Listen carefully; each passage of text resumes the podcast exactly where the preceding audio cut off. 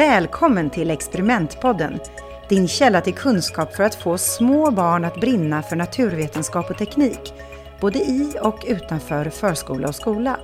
Podden är producerad av Binosi och jag heter Carolina Kjellberg. Jag träffar Dilshad Mirbagsten, författare, journalist och medgrundare till Berättarministeriet. Med naturvetenskap i fokus så pratar hon om hur man i områden med hög arbetslöshet kan minska segregationens negativa konsekvenser på barns skolgång genom att stötta både lärare och elever i den dagliga undervisningen.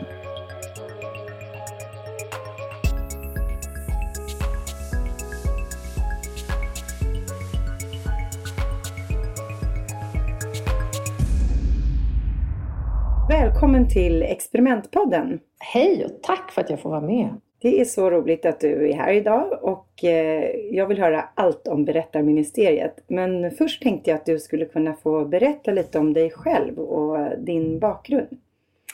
Ah, eh, jag heter alltså Dilsa Demir Bagsten och är tillsammans med Sven Hagströmer och Robert Weil en av grundarna av stiftelsen Berättarministeriet och till vardags är jag generalsekreterare för verksamheten. Och innan det så har jag väl i stora delen av min, av min yrkeskarriär ägnat mig åt att skriva och läsa, det vill säga jag har varit journalist och författare. Och suttit i en del styrelser inom idéburen sektor men också lärosäten.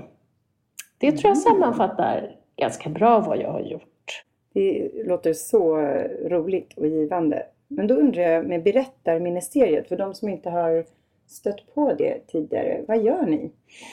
Vad vi gör? Vi, Berättarministeriet är en politiskt och religiöst obunden stiftelse, eh, icke vinstdrivande stiftelse och vi driver utbildningscenter i områden med hög arbetslöshet och stöttar lärarna i skolor med hög socioekonomisk index som det heter. Och det mm. gör vi ju genom um, vår fysiska utbildningscenter, så vi har fysiska lokaler på plats som i sig är en artefakt, men, och en del utav skolprogrammen som ju lärarna använder sig av i den dagliga undervisningen. Så man kan säga att vi är lite grann en blandning av ett läromedelsförlag och Junibacken skulle jag säga. Mm, vilken härlig blandning. Ja. Men och var de här fysiska centren, var finns de i landet? Eh, I Husby där det är ungefär 30 skolor som kommer till oss, det är alltså Järva med omnejd. Det är Hagsätra och lika, ungefär lika många skolor där och i Göteborg där vi jobbar med precis ja, runt 30 skolor. Nej, men, så där finns vi, så man skulle kunna säga storstadsregionen. Vi fokuserade i storstadsregionen där skolsegregationen är som störst. Och hur många år har ni hållit på med det här nu? Oj, det är ju galet, för i år firar vi faktiskt tio år. Ehm, ja, jag kan säga att det känns ju som det var igår vi startade verksamheten, men tiden går.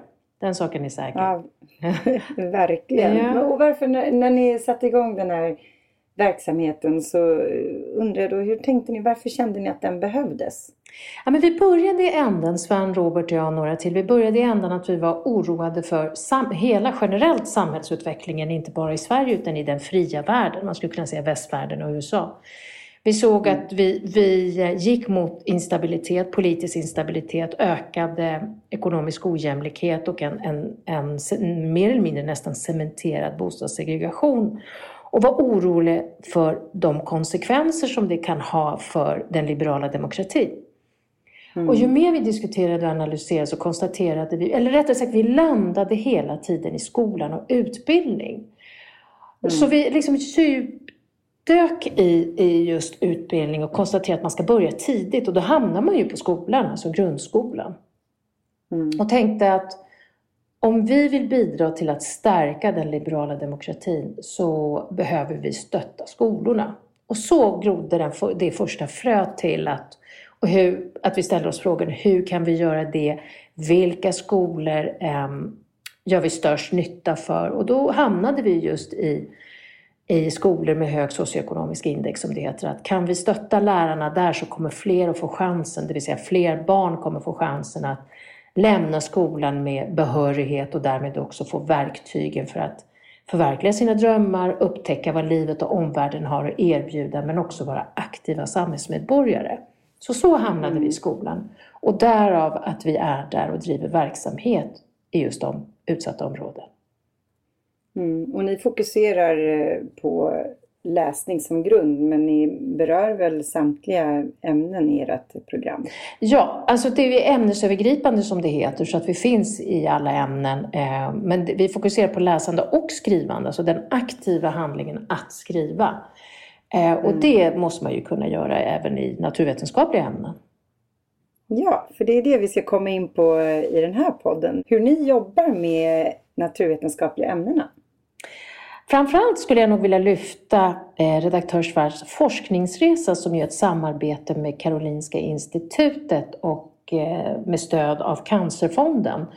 Där eleverna helt enkelt hjälper forskarna på Karolinska, doktoranderna, eh, som ju forskar om något, som, och hjälper dem med att lösa problem, föreslå frågeställningar som kan vara intressanta för att forskarna har ju inte riktigt, vad ska vi säga, deras fantasi är inte på topp och det vet man ju att det måste man ju ha om man ska forska mm. för att kunna upptäcka någonting nytt och inte bara eh, tradera den kunskap som redan finns. Mm. Så forskarna ber helt enkelt eh, barnen om hjälp. Och barnen får experimentera lite i förväg så att de blir varma i kläderna med en forskningslåda som de får av berättarministeriet.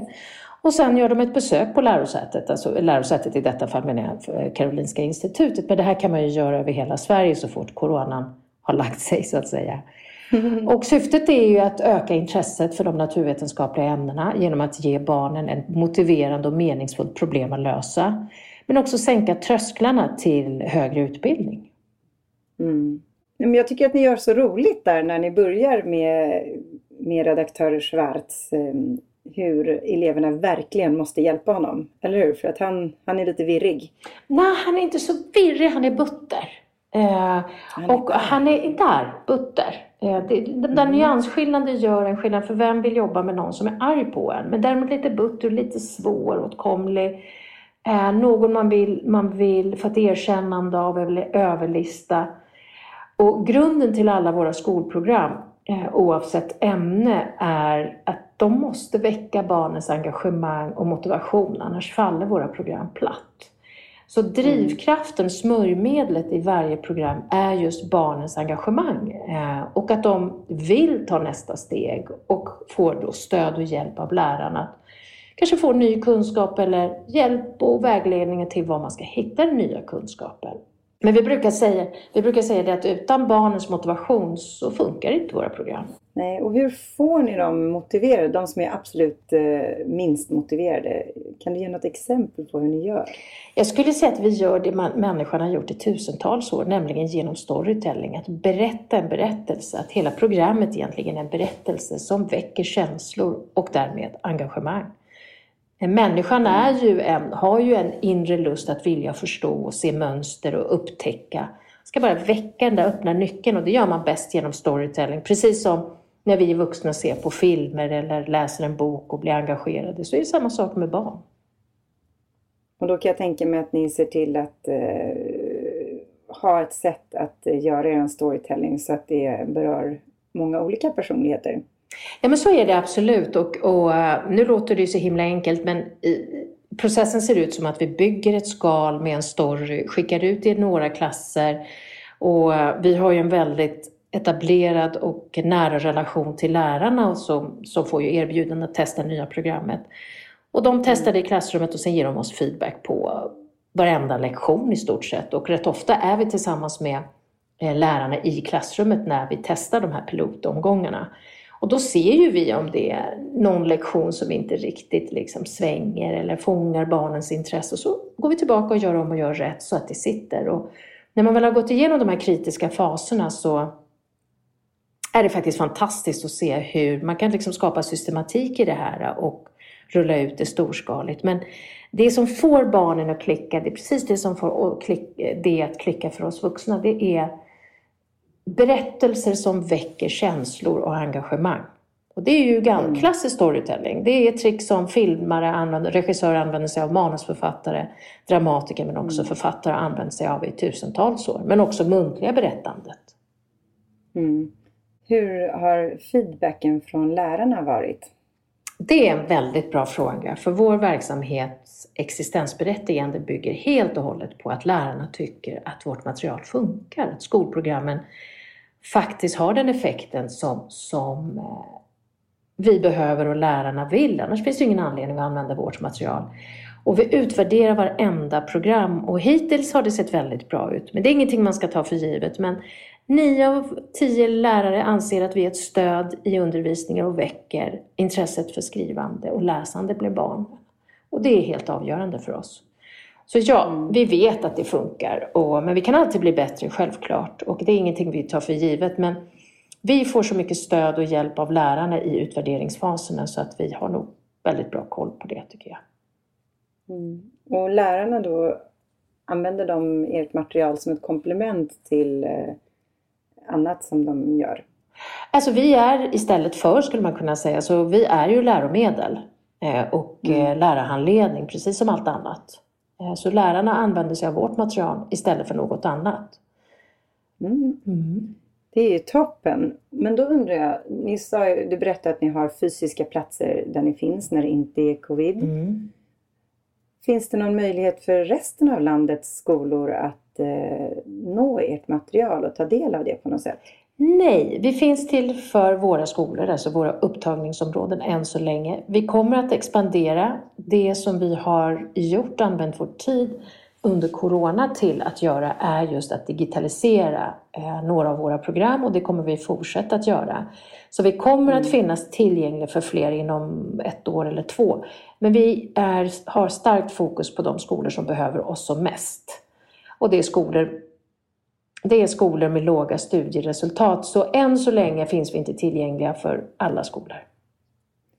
Nej, och då undrar jag, måste de komma in till era centrum eller för era uppdragningsområden, Finns det också möjlighet att ta del av det digitalt? Ja, det vi har nu eh, kan eh, erbjuda till höst men också framåt, det är digitala program. För det är begränsade eh, tider eh, att komma till våra utbildningscenter och vi är nästan fullbokade innan vi börjar eh, varje termin. Mm. Men nu som sagt var har vi digitaliserat flera av våra program och kommer att kunna erbjuda samtliga skolor i våra upptagningsområden även digitala program och det är jättekul och, och en ny spännande fas för oss för det är ju att gå igenom samma utvecklingsprocess som vi har gjort med våra fysiska program så det ska bli jättespännande att se hur de fungerar. Ja men verkligen och det är ett fantastiskt komplement till det fysiska. Ja, det är det. Vad kul att du har varit med idag Dilsa. Tack för att jag fick vara med. Tack än en gång. Tack för att du har lyssnat på Experimentpodden. En Be Nosy-produktion med mig, Carolina Kjellberg. Vill du få experimenttips så gå in på benosy.com, alltså B-N-O-S-Y, och prenumerera på vårt nyhetsbrev. Eller prenumerera på vår Youtube-kanal, Benosy Sverige som är fylld av filmer där barn gör enkla experiment.